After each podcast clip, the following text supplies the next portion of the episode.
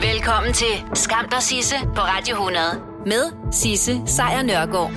Ja, velkommen til. Det her, det er som bekendt bare en podcast. Hvis du vil høre The Real Deal, så er det hver dag 12-15. Men nu har jeg altså samlet det, som jeg synes, der er skamløst godt fra sidste uges program i en podcast til dig. Hey, det var så lidt. Skam der Sisse på Radio 100 præsenterer Skamløse fornøjelser. Og nu skal du øh, have fornøjelsen af at møde Clara K. Søborg. Hun er vores øh, praktikant, og for dem af jer, der allerede kender Skam dig, Sisse, og lytter til det fra 12 til 15, så vil jeg sige, at jeg har taget hende med fra 15 til 18. Så god en radiostemme har du altså, klar. Ej, tak skal du have. Og det er også derfor, jeg faktisk har sat dig øh, på arbejde. Mm. Og det har jeg jo, fordi at vi den her uge har talt rigtig meget, og kommer til at tale rigtig meget om, hvad der holder kvinder tilbage. Mm. Det er på søndag den 8. marts, det er kvindernes kampdag, og det betyder, at vi altså kigger øh, virkelig meget på, hvad der er, der kan holde kvinder tilbage i alle mulige henseender af livet. Du er 21. Yes. Fed alder. Kæmpe tillykke. Tak skal du have. Jamen altså, det er så nice. Så lækkert, må man godt sige nice. Ja, det tror jeg godt, man må. Det må man godt. Ja. Ja. Det er godt, du dømmer ikke. Og det er jo det, der er så genialt ved, ved dig og i hele taget din generation, det er, I virker ikke som typerne, der dømmer. I virker som typerne, der bare går ud og ordner ting. Ja, det vil jeg da håbe. Jeg kan godt lide den måde, du Vi trak er vejret på. og bliver. Endnu en ting, vi får kastet i hovedet. Ja. Klar, du er her lige nu, fordi om lidt, så skal vi møde dig og, øh, og nogle af dine veninder. Mm. Og jeg har bedt dig og dine veninder om at tage stilling til nogle af de ting, vi taler om i radioen i den her uge. I dag, der handler det om barsel. ja, det I, gør har- det. I har talt om det. Det har vi. Øh, mine veninder er ligesom mig 21. Der er en, der er 22, men det kan jo være det samme. Øh, der er ikke nogen af os, der har børn. Og alligevel så har vi tilladt os at forholde os til det med barsel, fordi vi forhåbentlig en gang i fremtiden støder på det. Hvor du øh, sød. Vi har tilladt os at forholde os til det med barsel. Øh, vi, jeg synes ikke, vi har noget at... Men det har I jo, fordi det er jo jer, Ja. der skal være fremtiden. Det er jer, der skal bære øh, fremtidens Ja, og børn. vi er fødedygtige, og altså... vi er bare fede dygtige, det kan jeg Hold godt op, jeg er fødedygtig. dygtige til det fødsel der. Men prøv lige at høre. I har sat jer ned, og I har talt om nogle emner, vi kommer til at stifte bekendtskab med jer rigtig meget i løbet af den her uge. Øhm, var der noget, der overraskede dig, da du, øh, da du sad med, med dine veninder og, og skulle snakke om de her emner, som vi taler om? Ja, jeg tror, det der altid vil overraske mig, når jeg sådan snakker med det, fordi det er noget, mig og mine veninder generelt snakker meget om. Egentlig også mig og mine venner. Øhm, men det er det her med, hvor meget vi egentlig snakker om det, hvor meget alle har en holdning til det. Det er noget, de alle sammen ligesom har ja, haft tanker om, og nogle overvejelser omkring det her med ligestilling, og det fylder rigtig meget for min generation, er min fornemmelse af det. Ja. Og så også bare generelt, hvor meget der egentlig sker fra en generation til en generation. Ja, det er jeg personligt rigtig spændt på at, at høre. Altså, tænker du, der er en, en, en stor forskel på, hvordan kvinder på din alder tænker i forhold til for eksempel kvinder på min alder, som er måske i slut 30'erne, start 40'erne? Og altså, jeg ved det ikke, men jeg synes, jeg kan mærke på mine egne forældre, og jeg synes også, jeg kan høre i hvert fald fra nogle af mine veninder og deres forældre. Altså, der er mange af de små ting, som vi er uenige om, fordi man bare er vokset op med et andet mindset, og sådan nogle andre, andre kulturelle normer omkring en. Ja. Jamen, jeg glæder mig virkelig meget til at høre det. Vi uh, tager hul på uh, din studiegruppe. Jeg hedder Nicoline, og jeg er 21 år gammel, og jeg er i praktik ude hos Barometer. Jeg hedder Silja, jeg er 22 år. Lige nu der er jeg ved at søge ind på nogle forskellige uddannelser, sådan inden for det kreative. Jeg har ikke helt besluttet retning endnu, måske noget design, måske noget arkitektur. Er barslen noget, I sidder og overvejer nu, når I skal til at forme jeres karriere? Det har altid lidt været en overvejelse i forhold til, hvornår man skulle få børn. Mine forældre begyndte at få børn, inden de var færdiguddannede, mm. så derfor så øh, tænker jeg måske ikke så meget over det i forhold til job, men det kommer jo til at fylde noget. Jeg tror bare, jeg har været måske lidt naiv omkring, hvor meget det fylder i virkeligheden. Men hvor meget fylder det også? Altså, forventer I, at I skal til at gå et år på barsel, eller har I nogle forventninger til jeres partner? Altså lige nu, der, der ser jeg det sådan lidt som en hemsko for, for hvad jeg gerne ville, hvis var, jeg skulle til at gå på det nu.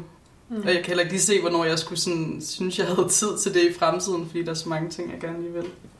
Jeg tror altid, jeg har haft sådan ret øh, konservativ kønsforestilling, hvis man kan sige det, på det område, hvor at det har lidt været sådan en ting, at Nå, jamen, det skulle jeg jo bare, og det er også det, jeg har set hos mine forældre, men jeg vil faktisk ønske, at, at det blev halv, halv. Jeg tænker da også, at det kommer an på, hvor man selv lige er. Så, så tror jeg da på en eller anden måde, jeg ville synes, det var hyggeligt, hvis jeg vidste, at min kæreste eller et eller andet var øh, i gang med noget, der var vigtigt. Når man så har fået de her børn, hvis man skal have dem, er det, skal ligestillingen fylde noget der? Det har fyldt for lidt, synes jeg, i min egen opvækst, og har været noget, jeg har stillet ret mange spørgsmål ved.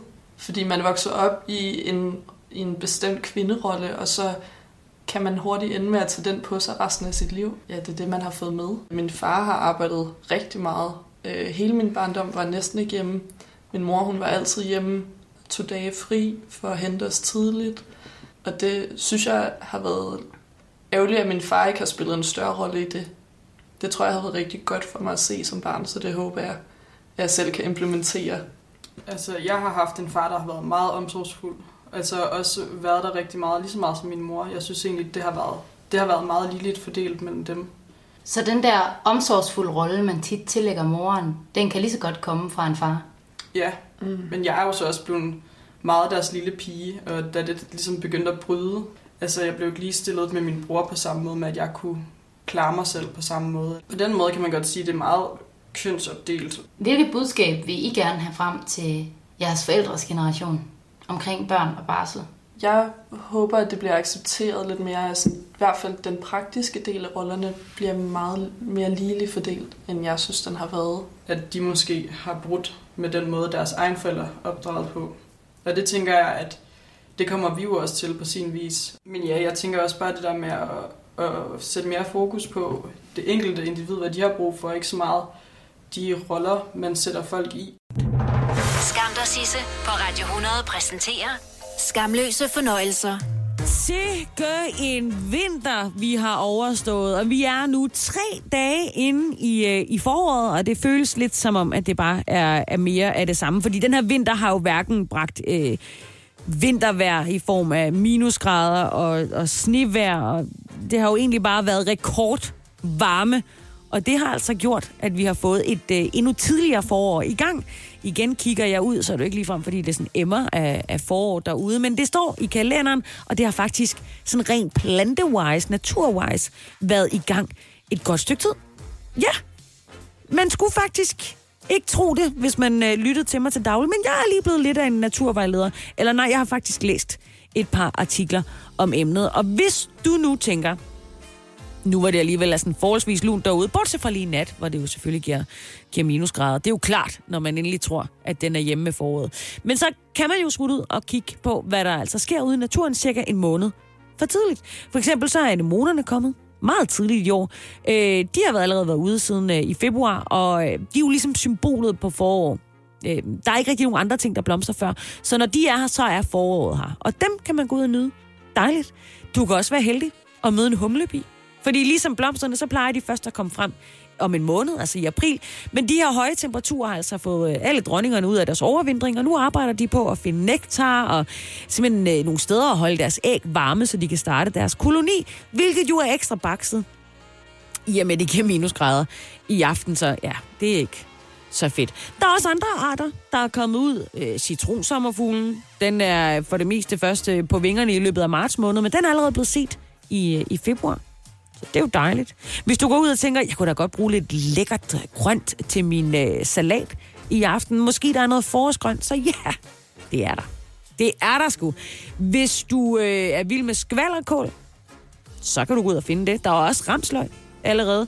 Øhm, jeg har i hvert fald set et par i, øh, i den lokale park, som ikke er en park, men en kirkegård, ved, ved, ved mig på Nørrebro, men jeg, jeg har også set dem i, øh, i skoven. Der er ramsløg.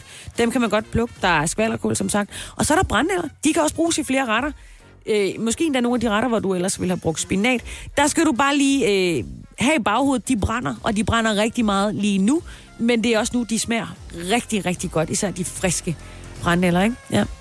Så øh, således er du øh, klar til foråret her super, super tidligt i selskab med din øh, naturvejleder Sisse her, som absolut ingen...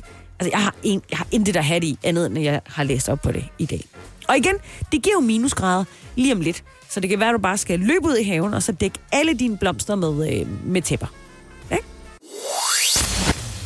Vil I foretrække at have en kvindelig leder på jeres arbejdsplads? Jeg vil ikke foretrække det.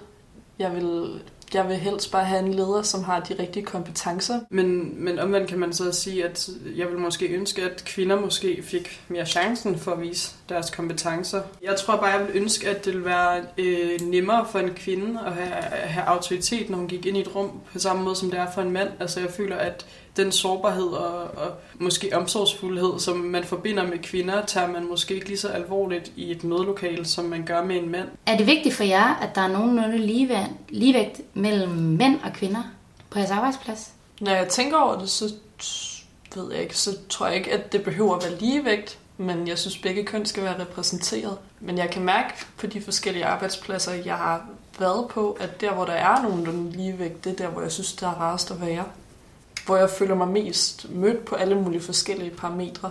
Jeg synes også, det giver på en måde et andet flow, eller en, en anden jargon, at der både er mænd og kvinder. Men... Er der noget, der holder jer tilbage som unge kvinder fra at gå efter lederposterne? Øh, ja, der er det, altså de få kvindelige ledere, som jeg har haft som chefer, øh, synes jeg har, har nemlig taget den der rolle med at være ekstremt autoritære og sådan godt kan sådan forekomme ret strenge og det er ikke øh, noget, jeg forbinder med min egen personlighed. Så jeg tror på den måde, så har det afskrækket mig lidt. Okay, så det der, man snakker så meget om med, at det er vigtigt at have kvindelige rollemodeller i topposterne, mm. det er næsten det, der har været med til at afskrække dig? Nej, nej, det har det jo ikke. Men det, jeg tror, det er fordi, det er den type kvinder, som let får de poster, de føler, at de skal tage en masse karaktertræk med fra de mandlige. Er det nogle af de kvindelige kompetencer, sådan stereotypiske kvindelige kompetencer, I har, som I føler er noget af det, som I har, der vil gøre jer til gode ledere? Jeg kan egentlig godt lide at tage styringen, og jeg føler, at jeg sådan, når jeg har arbejdet i gruppesammenhæng, så er jeg meget sådan organiseret og struktureret. Det tror jeg er en, er en ret sådan god kompetence at have som leder. At man har et godt overblik og forstår at prioritere forskellige arbejdsopgaver. Mm. Mm.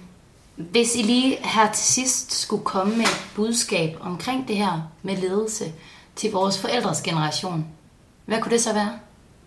Jeg vil ønske, at jeg selv havde tur og, sådan, at række hånden op, eller sådan tage teten og få det sagt, som jeg havde på hjerte. Øhm, og det er noget, jeg er meget opmærksom på nu og arbejder med. Men jeg tror klart, det vil hjælpe at have flere kvindelige rollemodeller, som gjorde det også fejlede nogle gange, fordi det er som om alle bare er så pisse bange for at fejle, og derfor tør de ikke sige det. Og det kunne bare være rart at høre, at der er nogle andre, der gør det, og så tør man mm. lidt mere selv. Og der føler jeg ofte, at, at mænd er måske lidt bedre til at ignorere den her fejl, og så tænke, at det er en del af processen, hvor kvinder måske meget mere tænker det som noget, de gør forkert, i stedet for bare at lære af det. Skam dig, Sisse, på Radio 100 præsenterer Skamløse fornøjelser. Ja, dem kan du godt se langt efter, hvis du er typen, der bliver helt og aldeles øh, eksalteret over, at der kommer nye Bond-film. Fordi den nye Bond-film, der er på vej, den der har fået titlen øh, No Time to Die, den skulle jeg have haft øh, premiere her senere på måneden, og det skulle være sket ved sådan et stort event i London. Alle stjernerne ville være der, og øh, derefter ville vi alle sammen kunne få lov til at ske. Se, hvad der skulle ske med, øh, med Daniel Craig som øh, James Bond Men kommer ikke til at ske. Faktisk kommer det ikke til at ske overhovedet lige forløbig. Faktisk skal vi vente flere måneder med at se Bond i aktion igen, fordi premieren den er blevet skubbet helt frem til den 12. november. Og det er ikke kun i øh, Storbritannien, at den går ned der. Går også ned i øh, Danmark til november. Faktisk så skulle filmen øh, herhjemme have haft premiere den 2. april, men nej, kommer vi ikke, kommer vi ikke til at se. Så. Men faktisk så er det fans af hele Bond-universet, som har opfordret filmstudiet til at sige, træk den lige tilbage. Det er simpelthen ikke, øh, det er ikke en god ting. Og det har de altså gjort, fordi de også er bekymret for coronavirusen, fordi det er den, der er skyld i det her. Der er det der med, at når man samles til store begivenheder, store events, forsamlinger, sportsbegivenheder, jamen så står man måske lidt tæt, og hvis der er en, der nyser, så har vi 3, 2, 1 rigtig mange tilfælde af coronavirus. I så fald selvfølgelig at vedkommende, der nyser, er, er ramt. Det giver jo lidt sig selv. Og det er jo altså det, der har gjort, at man har sagt, fint, vi rykker premieren, vi vil ikke have skyld for, at øh, alle folk bliver syge af coronavirus, bare fordi de ikke kan holde sig væk fra Bond-universet. Og vi ved, der er typer derude, der vil være på præcis den måde. Så altså, viruset kommer til at ramme øh, filmbranchen. Det er faktisk ikke særlig lang tid siden, at de i Kina sagde, at uanset øh, hvordan at der vil være premiere i resten af verden, så vil de ikke have, at Bond skulle komme ud før meget senere. Så det, sådan er det jo. Ifølge The Hollywood Reporter, så er der jo faktisk flere tusind biografer i Kina, der har været lukket. Og øh, det samme er også begyndt at ske i Sydkorea, Japan og i Italien, hvor man altså heller ikke må samles.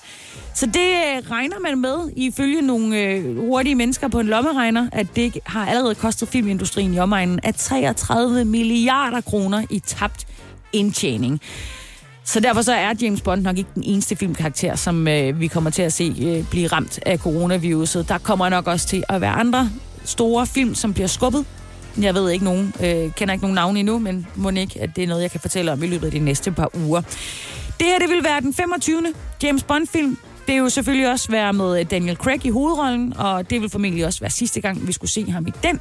Så det kan vi jo så bare at gå og glæde os voldsomt meget til, og for ligesom at forsøge ventetiden, som nu er blevet forlænget helt ind til november med at se No Time to Die, så synes jeg, at vi skal kaste os over titelmelodien, som jo er blevet leveret af ingen ringer end Billie Eilish. Så den får du til gengæld lige her.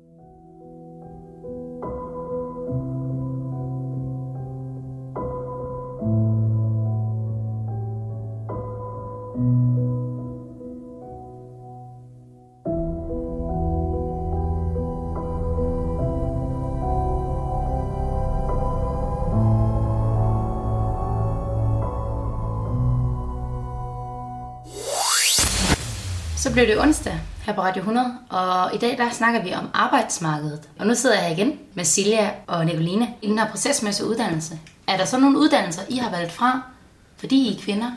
Jeg har ikke direkte valgt noget fra. Jeg har arbejdet på en tegnestue for arkitekter, øh, som var sådan et meget mandsdomineret verden, og det synes jeg var lidt skræmmende. Nu har vi alle tre arbejdet sådan imellem gymnasiet og det studie, vi forhåbentlig kommer ind på snart. Er der nogle ting, som I har afholdt jer fra ude på de arbejdspladser på grund af jeres køn? Da jeg arbejdede på restaurant, der synes jeg, at det var helt vildt spændende at øh, få lov til at arbejde i køkkenet også. Øh, men jeg brød mig ikke ret meget om jargon, øh, og det var sådan, der, der var kun mænd, der arbejdede der. Og der blev man set ned på, eller i hvert fald set anderledes på, fordi man var en kvinde, som jeg har i hvert fald et sådan ret kvindeligt udtryk, tror jeg, for mange. Og så er det svært for dem at forestille sig, at jeg kan passe ind i deres forestilling af den rolle. Eller? Altså, jeg har følt, at jeg skulle tone lidt ned for min, min lidt drengede stil, øh, når jeg var på arbejde. Også fordi, at i servicebranchen, der handlede det meget omkring det, kundekontakt. Og det der med en sød pige, der står på en kaffebar eller en tøjbutik eller sådan noget. Det giver en eller anden form for value eller sådan, i forhold til at sælge et produkt. Og der synes jeg, det har været mega svært at være mig nogle gange, fordi at jeg er lidt mere drenget eller er udseende, og, og at det, det lyder også mega åndssvagt, fordi det er jo lige netop det, jeg ikke har lyst til at, at stå op for, at det skal være. Men jeg synes, det er irriterende nogle gange med arbejdsopgaverne, at jeg ikke bare kan få lov til at gøre det samme. Eller, eller det bliver sådan opdelt om drenge slæber kasserne, og pigerne de til det der, eller sådan noget, hvor jeg nogle gange godt kan tænke, prøv, altså, det kan jeg sgu også godt gøre. Det, det tror jeg bare, at, altså, det skal ikke være sådan, noget opråb om, at jeg ikke synes, det er rart at få hjælp, eller at jeg synes, det er betænksomt, at der er nogen, der vil løfte nogle kasser for mig, men, men det kan jeg sgu godt, altså. Ja. Der, der tror jeg, jeg synes, det er lidt irriterende at blive opdelt i hold, for hvad man skal kunne klare. I hvert fald også, når det ikke er noget, man selv har taget, Ja. altså, taget på sig. Mm. Helt enig. Jeg tror også underbevidst, så har man en eller anden forestilling om, hvor man, hvor man passer ind. Også på de Mm. mm. samme parametre, som du siger, ikke? At, Man kan jo godt lide at føle sig god til det, man laver. ja, ikke? præcis. Og Ja. der vil der på en måde altid være en, der var bedre end en. Hvis vi lige skal opsummere her til sidst, og komme med et eller andet ønskescenarie til vores forældres generation, eller et budskab til dem omkring det her med, med arbejdsmarkedet. Så er mit, mit budskab eller mit ønske, at der er, er flere kvinder, der sådan vil tage nogle af de der kampe, også de små kampe på deres arbejdsmarked, og hvis de føler, at de har et potentiale inden for et eller andet, eller noget, de kan byde ind med, gør det, fordi det gavner alle deres efterkommere. Det kunne bare være rigtig fedt. Også for os at se, at der er kvinder, der øh, gør nogle af de ting, vi måske drømmer om at gøre. Altså jeg vil ønske, at mere plads til alle, og flere vil blive hørt, og så måske, at man kunne... Jeg tror, det handler meget om, omkring rollefordelingen, at der måske var mere fokus på den enkelte ansatte, i stedet for au- autoriteterne. Det tror jeg helt klart vil få kvinder til at tale mere, hvis de føler sig hørt. når de første begynder at tale, så tør de næste også. Skam dig, Sisse på Radio 100 præsenterer dagens skamløse øjeblik. Vi stiller jo spørgsmålet den her uge, hvad holder kvinder tilbage? Og det kan være mange ting. Men en af de ting, som måske er interessant at se på, det er, hvordan verden er indrettet. Og den er indrettet efter en masse mål. Mål, som er sat efter et standardmenneske, og det menneske er mand. Det betyder en masse ting for os kvinder. Ting, vi måske ikke tænker så meget over i det daglige, men som forskere altså har kigget på og påpeget, kan være super irriterende, og i værste fald hammerne farligt. Og lad os lige starte med at kigge på vores hænder. Der er masser af data, der viser, at kvinder i gennemsnit har mindre hænder. Og alligevel så fortsætter vi med at designe udstyr, som passer rigtig godt i den gennemsnitlige hånd, som er en mandehånd. For eksempel så er vores øh, smartphone-størrelser øh, efterhånden blevet 14 cm i gennemsnit. Det er ikke noget problem for en mand. For en kvinde, der kan det være rimelig bakset. En anden ting er vores øh, stemmegenkendelser. Google har en stemmegenkendelse, hvor den bliver 70% mere effektiv, hvis man altså taler sådan her til den. Den er simpelthen indrettet efter at skulle lytte til dybere stemmer. En anden ting, det er, hvad de egentlig lytter efter. Da Apple de øh, lancerede øh, Siri, altså deres AI, så var der nogle brugere i USA, der testede det af og fandt ud af, at øh, Siri ironisk nok kunne finde prostitueret og Viagra-leverandør, men kunne ikke henvise til den nærmeste abortklinik. Hvis du har fået et hjertetilfælde, så vil Siri kunne sige, altså ringe op til, øh, til øh, ambulancer. Var du blevet voldtaget, vil Siri svare, jeg ved ikke, hvad du mener med, jeg er blevet voldtaget. Og det er jo lidt irriterende. Og det er også uretfærdigt, at vi skal betale den samme pris som mænd for de her produkter, der jo helt overordnet leverer et dårligere niveau øh, af service til kvinder. Men det kan også være rigtig farligt for vores sikkerhed. En ting er, at øh, de her stemmegenkendelsessoftware, der jo er i nogle biler, faktisk er indrettet til at lytte til mænd, og derfor kan være ikke sikre at bruge som kvinde, fordi man bliver mere distraheret, end man bliver guidet. En anden ting er, at øh, apps, som for eksempel øh, udregner ruter, de vælger at tage altid den hurtigste rute, men aldrig tager den sikreste rute, som både mænd og kvinder i øvrigt kunne være glade for. Og apropos sikkerhed, Ender du i en trafikulykke, en bilulykke især, så er der ret god odds for, at du er en mand. Men er du en kvinde og involveret i en bilulykke, så er du altså 47 procent mere sandsynlig i at blive indlagt i en længere periode. Du er også 17, mere tilbøjelig, 17 procent mere tilbøjelig, om man vil, som det hedder i forskersprog, til at dø. Og det har altså alt at gøre med, hvordan bilen er designet, og hvem den er designet til. Kvinder har en tendens til at sidde længere fremme når de kører. Det skyldes jo, at vi i gennemsnit er kortere. Vores øh, ben de skal være tættere på øh, pedalerne for at kunne nå, og vi bliver altså nødt til at sidde mere lodret for at kunne se op over instrumentbrættet. Biler de er jo standardiseret til mænd, og derfor så er kvinder det, der hedder ude position bilister. Vi sidder ikke, som vi skal, ifølge de mål, der er blevet lavet til, hvordan en standardbilist skal være, bilist skal være og sidde. Det vil sige, at 50 procent af dem, der bruger bilerne, ikke er beregnet til det. Men det er ikke det værste, fordi det værste er de sikkerhedstests, som altså er øh, baseret på øh, crash test dummies. Det er de her øh, dukker, der er blevet brugt siden 1950'erne, og de har øh, været målt ud fra mennesker. Og mennesker har jo, som jeg har været inde på i flere omgange nu, altid været mænd. Den standard crash test dummy, der er, er 1,77 cm høj og vejer 76 kg. Det er væsentligt højere, og det er væsentligt tungere end en gennemsnitlig kvinde. Og det betyder, at kvinder får nogle meget seriøse skader, og gravid endnu værre, øh, fordi der er slet ikke lavet udstyr til gravide kvinder. Deres bryster kan ikke være der, deres mave kan ikke være der. Det er frygteligt. Først i 2011 begyndte man i USA også at, at sige, hey, hvad med vi lige tester på en kvindedukke? Og der er så mange eksempler på det her. Det kan ses som småting. Måske kan det være ligegyldigt for nogle mænd, men for kvinder, der er det her altså et dagligt irritationsmoment. Og det er altså også et irritationsmoment, der i værste tilfælde kan koste liv. Hvis du gerne vil øh, læse mere om det her, så vil jeg anbefale dig at læse bogen, der hedder Invisible Women. Men altså, du skal virkelig have det bedste humør på, inden du kaster dig over det, fordi den er lige til. Stream nu kun på Disney+. Plus. Oplev Taylor Swift The Eras Tour, Taylor's version. Med fire nye akustiske numre.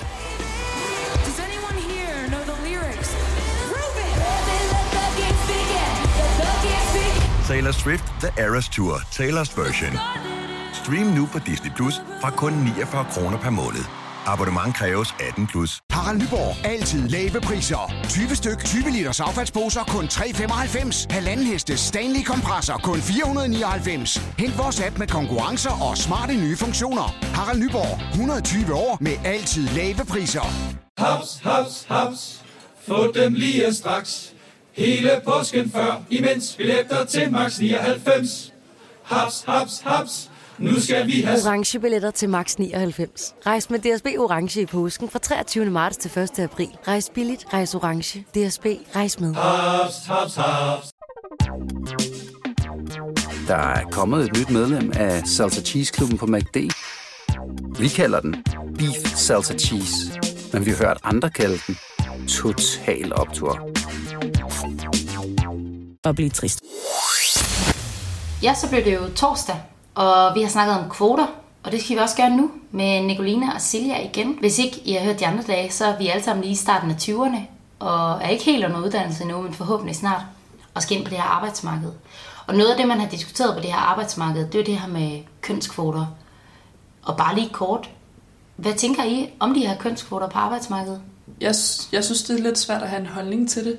Eller jeg har ikke helt fundet mit ståsted i forhold til det. Jeg tror, at det kan gavne rigtig meget. Men jeg ville ønske, at det var en udvikling, der kom naturligt. Mm, ja, jeg tænker også, at det ville jeg ville da helt klart ønske, at det var en naturlig proces, men, men det kan måske være en hjælp til at få noget fodfæste i det, eller få nogle kvinder ind. Men ja, jeg synes også, det, det er mega svært at forholde sig til, fordi at man vil jo et eller andet sted gerne ansættes på baggrund af ens egen, egne kompetencer, frem for at man ligger under en kvote. Tror I, det kunne være en motivationsfaktor for kvinder, hvis man vidste, at det fag, man søgte imod, eller overvejede, at der var nogle kønskvoter? Jeg synes faktisk, det er lidt demotiverende. Ja. ja. Man bliver sådan lidt trodsig. Ja. Fordi, Man okay, vil er jeg så selv. ikke god nok i mig selv? Ja, og man ved aldrig rigtigt, om det var på grund af den der kvote, eller om det var fordi, at du var dygtig til, til en jobsamtale. Ja. Men hvis det kan gøre, at man bliver taget i betragtning til noget, man slet ikke vil være blevet ellers, ja. så kan det jo, du kan stadig have lige så gode eller bedre kompetencer, som dem, du er blevet valgt over. Ja. Er kvoter en nødvendighed i eksempelvis topposter lige nu? Jeg tror, det kunne gøre en, en ret stor forskel. Så ja, det er det måske egentlig. Eller det vil i hvert fald provokere nogle flere kvinder til at tage det spring. Altså har vi tid til, at der måske, lad os sige, så kommer den naturlige udvikling om 20 år? Altså, det er mega svært, fordi at jeg ser ret kønsneutralt på alle, så jeg tænker jo bare, at den, der er mest kompetent, er den, der sidder på topposten. Men jeg kan jo godt se, hvis man ikke har haft muligheden for det som kvinde, eller blevet motiveret på samme måde, eller fået de samme tilbud som en mand, så er det da helt sikkert nødvendigt, at der er nogle kvoter. Jeg tror heller ikke, det er fordi, at folk de kigger på, i hvert fald ikke bevidst, kigger på en mandlig kandidat, og så på grund af hans køn vil foretrække ham frem for en kvinde. Jeg tror, den ligger underbevidst. Han lever ind i den forestilling, man har, ikke? I forvejen. Mm. Altså, mennesker er jo meget vanedyr. Det, man har været vant til at se, det, der skal jo en lang udvikling til, for at det ændrer sig. Hvis I nu sad og kiggede på jeres drømmejob, og der var indført kønskvoter, vil I have noget imod at blive ansat under en kvote? Jeg vil føle, at jeg skulle bevise noget. Jeg vil stadig tage imod jobbet. 100% hvis det er mit drømmejob. Men jeg føler, eller jeg er ret sikker på, at efter jeg ville have arbejdet der noget tid, så ville jeg ikke have noget imod det længere, fordi så ville jeg føle, at jeg havde levet op til de forventninger, der var til mig. Ja, men jeg vil heller ikke inviteres til en jobsamtale, hvis jeg gik under en kvote. Nej. Det ville jeg ikke synes var fedt. Heller ikke, hvis det var mit drømmejob. Hvis vi lige her til sidst skal runde af, ligesom de andre dage, med vi kører en lille ønskebrønd eller en budskabsrunde til vores forældres generation. Hvad kunne vi så godt tænke os, at de fik med videre fra det her? Jeg håber bare, at, at, at vores forældres generation kommer til at se lidt mere neutralt på det hele og kigge på det enkelte individ i stedet for. Selvom at det virker rigtig nederen lige nu, at øh, blive ansat på en kvote, så kan det faktisk i fremtiden give gøre en ret stor forskel. Og jeg tror, at det er vigtigt, at der er nogen, eller at det er bare noget, man går i gang med på en eller anden måde, fordi det vil åbne en verden op for nogle kvinder, som aldrig havde forestillet sig, at de kunne have de, de poster eller de positioner. Så jeg, jeg tror, jeg, tror jeg, jeg siger ja tak til kvoter. Ja tak til kvoter, Brasilia. Så øh, blev det fredag, og som en hver god fredag, så skal vi snakke lidt om politik, som det sidste emne her i Kvindeugen. Jeg har igen Silja og Nicoline med for sidste gang, og vi skal snakke lidt om ligestilling i politik. Og først og fremmest, har det en påvirkning for jer, når I skal sætte jeres kryds, om det er en mand eller en dame, I sætter krydset ved? Nej. Nej. Nej. Nej. Overhovedet ikke. Slet ikke? Nej, det har ikke strejfet mig tanke. Altså, jeg synes, det er vigtigt, at begge er repræsenteret. Jeg kan huske her til sidste valg, det må så være Folketingsvalget her i 19, der, kør, der kørte der sådan en kampagne, hvor der stod, sæt dit kryds ved en kvinde. Og det tror jeg var for at skabe noget mere ligevægt blandt politikere. Jeg tror på alle arbejdspladser er det vigtigt, at der er sådan en nogenlunde ligevægt, men selvfølgelig i forhold til, hvad der giver mening. Men det er ikke noget, jeg har tænkt over. Jeg tror også som regel, så stemmer jeg på den, jeg synes, der virker mest empatisk og fornuftig. Eller også så stemmer jeg på partiet, så det er ikke, sådan, det er ikke noget, jeg har været opmærksom på. Det er også svært, fordi jeg har ikke lyst til at opdele mænd og kvinder i to kasser på den der måde, som at det er også mod dem, men, men det er da vigtigt, at, at alle bliver hørt. Lad os nu gå ud fra, at vi er i Danmark, der er vi halv-halv mænd og kvinder. Kan 80% mandlige politikere mod 20% kvindelige politikere repræsentere halvdelen af landets befolkning, altså kvinderne? Nej, men hvis de står op for nogle af de samme rettigheder, som også er gældende kvinder, så synes jeg, at de kan være lige så gode kandidater for kvinderne, Okay. som mm. kvinder selv kan. Okay, så det gør ikke den store forskel, om det er en mand eller en kvinde, der repræsenterer jer som kvinder. Nej. Jeg tror, det er svært at sige også, fordi jeg føler, at der har været stor fokus på kvinder i politik i Danmark i al den tid, jeg har været interesseret i det. Og sådan, at vi har haft en kvindelig statsminister, er jo ikke noget, jeg har tænkt over. Det er bare sådan, jeg er vokset op i min bevidsthed. Jeg synes, det er fedt, at den ikke får lov til at fylde. Ja. Altså, Ja, ja, lige på præcis. det. Det handler jo også meget om, at de mænd, som jeg, øh, eller de mennesker, som jeg føler repræsenterer mig inden for politik, går op i mine værdier, eller de samme værdier, som jeg gør. Og så er deres køn ikke så væsentligt. Mm. Og det er en befrielse, helt klart. Hvilket signal synes I, det sender, når at vores nuværende regering, de har 35% kvinder, og det er dem, der skal repræsentere vores land? Jeg ved ikke, jeg synes faktisk 35% kvinder og 65% mænd, det synes jeg ikke er en sindssygt skæv fordeling. Men det havde været... Altså, man havde jo stusset over det, hvis det var 65% kvinder Ja. og 35% mænd, ikke? Det er rigtigt. Det, det tror jeg, det er det, jeg tænker mest over. Et eller andet sted, så synes jeg, de der 35-40% er flot til, hvor vi er nået til, og det er jo mega åndssvagt, fordi det skal jo ikke være flot, det skal jo, det, det skal jo bare være en fuldstændig selvfølge. Nu har vi jo de sidste par dage her lavet sådan en konklusion, hvor vi har haft nogle ønsker eller nogle budskaber til vores forældres generation. Øh, og i og med, at vi snakker om politik i dag, så kunne det være lidt interessant at høre, hvilket emner, som I tænker, ikke bare at forældrene skal sætte fokus på i deres politiske interesser, men også politikerne. Altså, jeg synes helt klart, at man skulle gå helt ned til folkeskole, dagpleje eller og opdrage den kommende generation til at have en meget bedre forståelse af ligestilling, end vi eller vores forældre har haft. Det vil jeg da håbe, at man kunne nærmest sætte på dagsordenen i skolen, at man dyrkede det noget mere, man motiverede børn noget mere til at være det enkelte individ, de er, og opnå det, som de gerne vil med deres liv, og ikke lade sig begrænse af noget som helst. Nej, sådan faktisk direkte måske faktuel undervisning i, Ja. hvad er ligestilling, og hvordan står, Ja. eller hvor står vi i forhold til det i dag. Mm. Og det synes jeg bare, der bliver talt mere om, at der bliver gjort noget ved. Er musikbranchen øh, ikke mere eller mindre bare øh, double standards, når det kommer til, til kvinder? Det er der i hvert fald nogle mennesker, der kan argumentere for. Og så er der jo andre, der siger, jamen prøv lige at høre, vi prøver faktisk at få kvinder ind. Og øh, hvorfor ikke også få kvinder ind i det, der hedder battle rap? Altså, der er kvinder, der gerne vil ind, men der er også mange, der føler, at det ikke er et sted, der er ret at være for kvinder. En af dem er Anna Viksø. Hun er rapper. Hun var forleden dommer i en øh, battle rap, hvor hun altså havde en ret ubehagelig oplevelse. Og så blev hun alligevel efterfølgende spurgt, hvorfor stiller du ikke op? Hvorfor er du ikke med?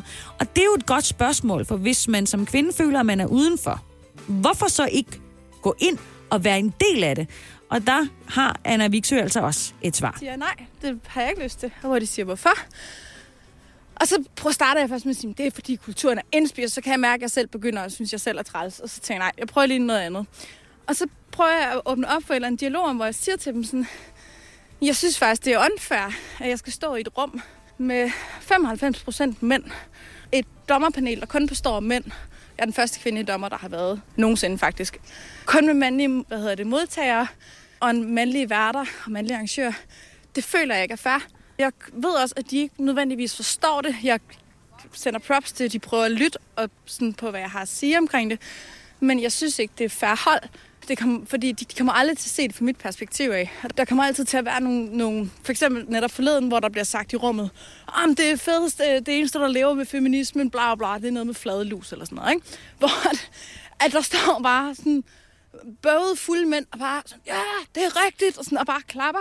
Og hvor jeg sidder som dommer, og den faktisk den eneste, der ikke griner. Altså, jeg synes, jeg synes det er sådan et plat. Øh, og det er bare det, jeg mener, sådan, der er stor forskel på, hvem der også er modtagerne i det her. Modtagerne, det er mænd, og dommerne, det er mænd. Men det er jeg ikke sikker på, at jeg gider at dømme sig af. Altså, øhm, og hvis der er andre, der har det bare på lidt samme måde, så tror jeg, at det er en rigtig svær kultur at blive en del af, at komme ind i og blive forstået af. Anna Viksø, hun er jo godt klar over, at ting tager tid.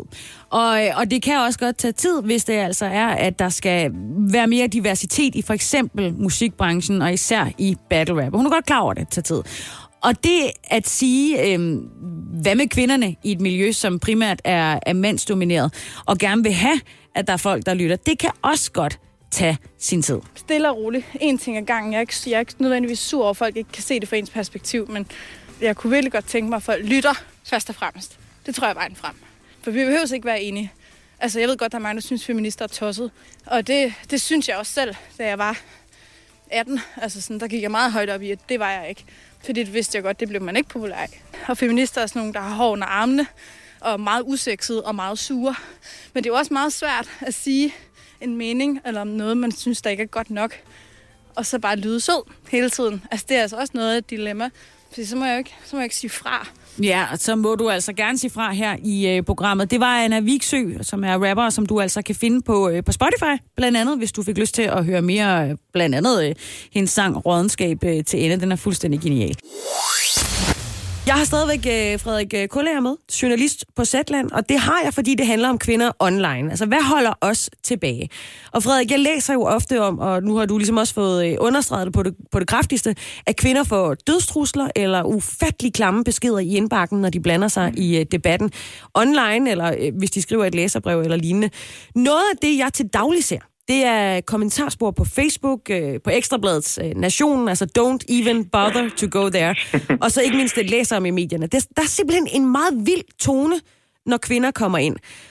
Og er det bare mig, som er sart? Nu ved jeg godt, du har lige været inde på det, øhm, men er der noget om, at kvinder udsættes for en del mere øh, online chikane end mænd? Nu fortalte du mig jo om for lidt siden, at der er, det, det, det føles sådan, men, men hvad ved vi om det?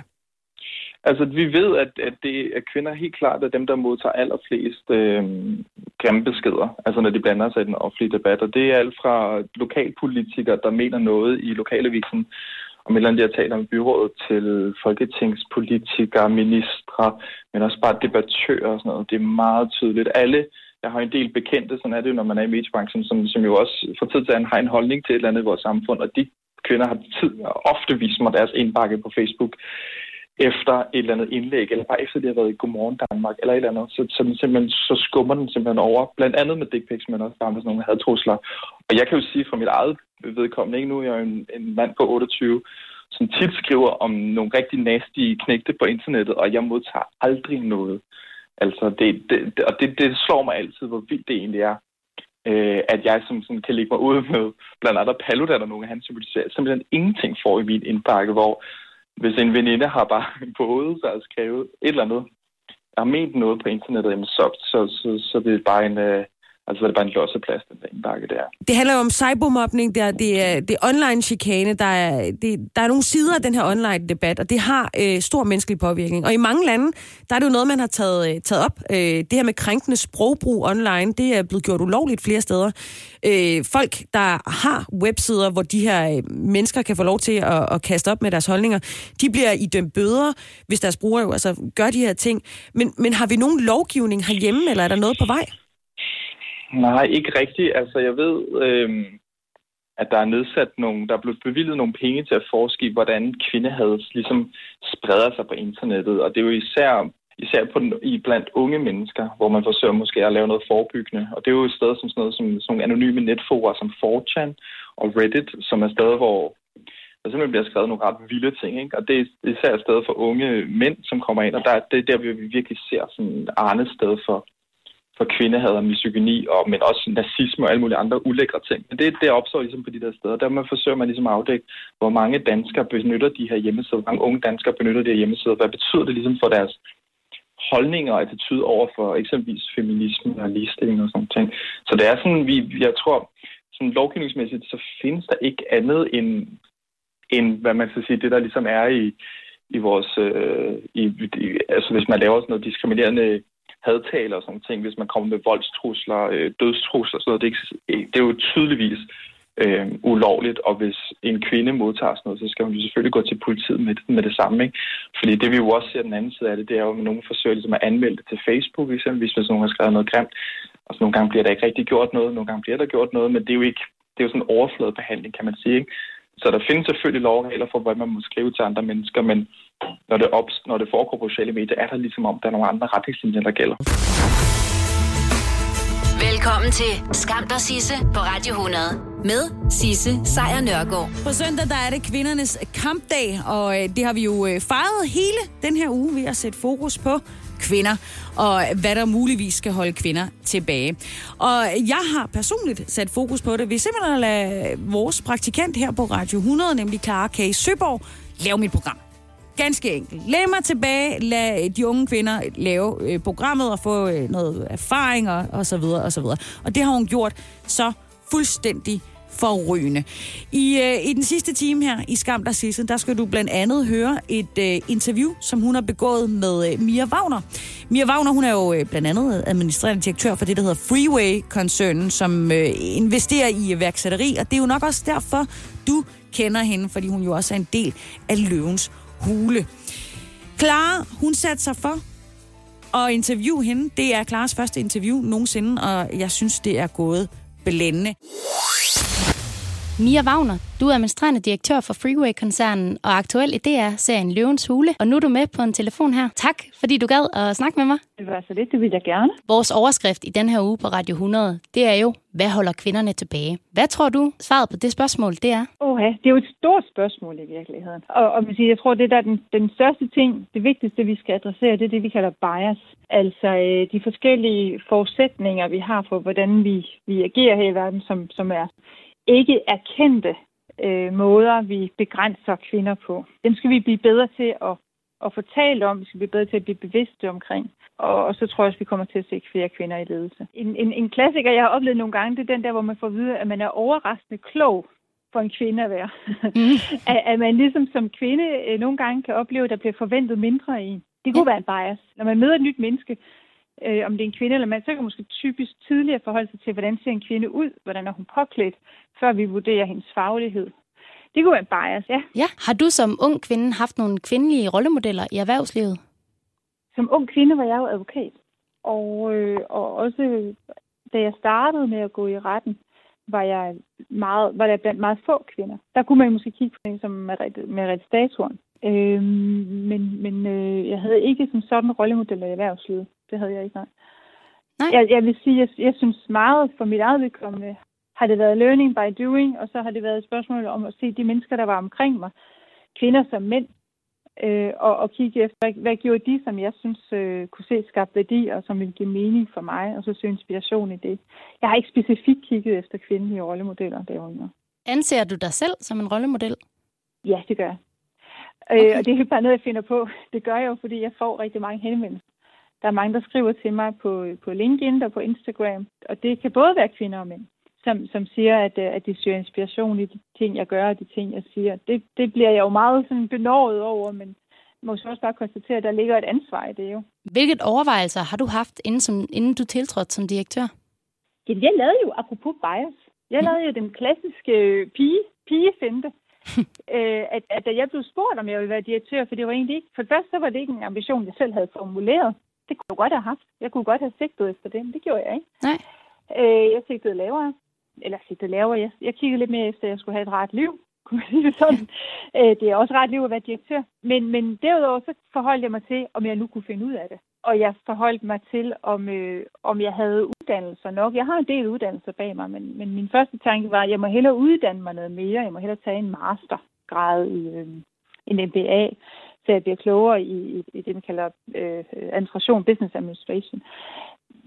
Og, og det gik jeg så ud og, og søgte råd hos andre og sagde, hvad er det så for nogle uddannelser, jeg skal tage, så jeg kan blive klog op. Og heldigvis var der en meget, meget klog ældre mand, der sagde til mig, det har du slet ikke brug for. Det der, det kan du sagtens klare, med, både med den faglighed og med den personlighed, du har. Og det, det tror jeg desværre jo er ting, der, der kan ligge til mit køn. At vi er lidt tilbøjelige til at ikke synes, vi er kompetente nok. At det, det vi nok skal blive bedre til, det er det, man kan kalde at, at stretche sig. At vi skal ligesom være villige til at stå på tæer og kaste os ud i det, der er svært. Øh, fordi vi løser det undervejs. I de overvejelser, som du havde, da du tiltrådte mm-hmm. som direktør, var der sådan nogen, der overraskede dig, eller holdt de overvejelser stik? Om de, om de holdt stik? Altså, de holdt jo overhovedet ikke stik. Man vokser jo med opgaven. Mm. Det er, man vokser jo også, når man træder ved siden af. Man træder jo aldrig helt siden af. Så, så begår man en fejl eller en brøler, eller kommer man lidt skævt ind på noget, jamen, og hvad så? Så redder man den hjem på den ene eller på den anden måde. Det her med, at man tror, at livet har en, en, en, et facit eller en bundlinje. Sådan er det jo ikke, og sådan er det jo heller ikke som direktør. Så man siger, det holdt jo slet ikke stik. Øh, og det, og det, det er fantastisk ved bare at lave learning by doing, der så sørger man jo også for, at man får de kompetencer, man rent faktisk skal bruge. Det er sjovt, du nævner det der learning by doing, fordi i min ja. dialog med mine veninder, der har vi netop snakket om det her med, at vi mangler at se kvinder ude på arbejdsmarkedet, som tør fejle og tør vise, at det er okay at fejle en gang imellem. Fordi det måske nogle gange ja. kan afskrække, at man ikke føler, at der er plads til det. Men man skal jo være klar over, at når man bliver præsenteret, når der bliver... Øh, nu har jeg prøvet at få skrevet en del portrætartikler, mm. og, og jeg, jeg synes jo, jeg har også læst min del af, af den slags. Og, og man kan jo godt være lidt tilbøjelig til at fortælle en glansbilledshistorie. Hvilke af de stereotype kvindelige værdier gør dig til en god leder? Jeg har lidt et problem med hele det her øh, feminin og maskulin ledelse. Mm. Jeg synes, vi skal prøve at kalde det empatisk ledelse. Hvis vi snakker om en alternativ ledelsesform. Jeg har lige så mange dialoger med mænd, der gerne vil være, altså hvor vi bevæger os væk fra den, den der autoritære leder, eller det vi kan kalde alfahanden, og så hen til lidt mere rummelig personlighed, hvor man godt også tager lade sin egen person, tager sin egen person med på arbejde. Og jeg synes i det hele taget, at den her samtale, vi har, eller debat, vi har omkring kvinder i ledelse, jeg synes, vi skulle være bedre til at kalde det, at vi vil gerne have diversitet i vores ledelse. Mm. Vi vil gerne have, at vores ledelse repræsenterer det samfund, vi lever i. Man kan godt kalde empati, eller den der fornemmelse for andre mennesker, kunne man nu vælge at kalde en feminin værdi, eller et karaktertræk ja, jeg har nu også mødt masser af mænd, der har empati. Men, men jeg synes egentlig, det var noget af det, hvor jeg, hvor jeg først tog fat. Det var det her med, at man, man kommer ind, og man fornemmer, hvor er dine medarbejdere. Man er ligesom karma-følsom. Øh, og man så også er villig til at, at handle, så sammen man kan mærke. Altså man, man får det sådan lidt intuitivt op, at her er der noget, der måske ikke er, som det skal være. Så skal man være villig til at, at gøre noget ved det. Og det behøver ikke at være på sådan en øh, konfrontatorisk måde, man tager en konflikt. Men man også er opmærksom på, hvad er det for nogle rammer, folk er i. Du må rette mig, hvis jeg har misforstået det, men jeg føler også lidt, at du nævner, at vi skal trække kønnene ud af beskrivelsen af de forskellige lederformer. Det synes jeg vil være sundt for os. Jeg synes, øh, at vi, og stadigvæk med vores børn, så gør vi piger og drenge mere, end vi behøver. Så det er ikke en, en kvindelig lederstil, det er en empatisk lederstil? Det er et problem i Danmark, at vi ikke har flere kvinder i toppen.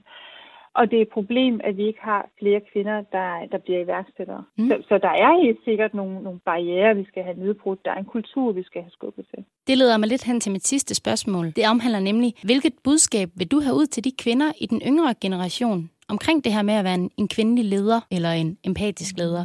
Øh, jeg tror, det bedste råd, jeg har fået, det fik jeg af min far en gang. Jeg var øh, nervøs og, og bekymret. Bare være dig selv. Okay. Jeg synes det her det hele starter. Øh, Start nu bare med at være dig selv, og så gå efter det, du tror på. Altså, vi har alle sammen nogle mavefornemmelser og nogle drømme. Øh, og, og nogle gange kommer vi til at, at lade os begrænse så meget af, hvad andre, vores, vores forventninger til, hvad andre mener. Vi vil jo gerne have det her innovative samfund. Vi vil gerne tænke nyt i Danmark. Og, og det betyder også, at vi skal være villige til at være forkerte. Ellers så gør vi bare det samme, som vi plejer. Så noget selvsikkerhed og lidt risikovillighed, så skal ja. det nok komme med de kvindelige ledere. Mia Wagner, administrerende direktør for Freeway-koncernen. Tusind tak, fordi du gad at snakke med mig her i eftermiddag. Det var så lidt. Tak fordi I lyttede. Skam dig, Sisse, på Radio 100. Med Sisse Sejr Nørgaard.